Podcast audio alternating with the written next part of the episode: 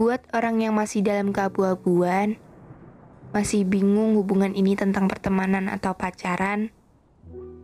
Tapi kalau dirasa pertemanan lebih serasa pacaran, kalau dirasa pacaran tapi sampai sekarang belum confess juga, sabar ya. Gak usah dengerin omongan orang. Kalau ditanya lagi di fase mana, bilang aja, gak tahu, masih abu-abu. Soalnya ada banyak rasa takut yang tiba-tiba ngebungkam hati kecil tiap ada di dekat dia. Selalu stay calm, padahal juga udah gak karuan. Kuncinya banyakin sabar aja ya. Sekarang rasa punya prinsip. Ah, ya udahlah, biarin juga. Padahal yang di dalam bilang, Ayo dong, sampai kapan kamu mau terjebak dalam hubungan ini?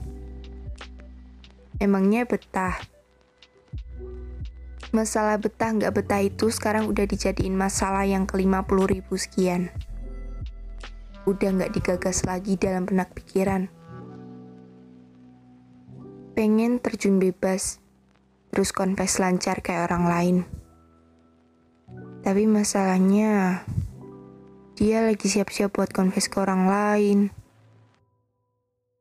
Kamu diasik asik dijadiin bahan percobaan yang posisinya paling gak enak dalam cerita.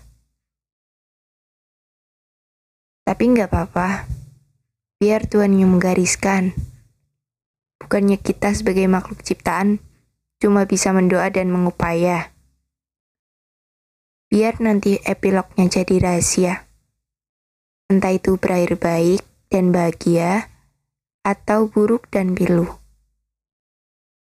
Yang penting sabar ya kawan.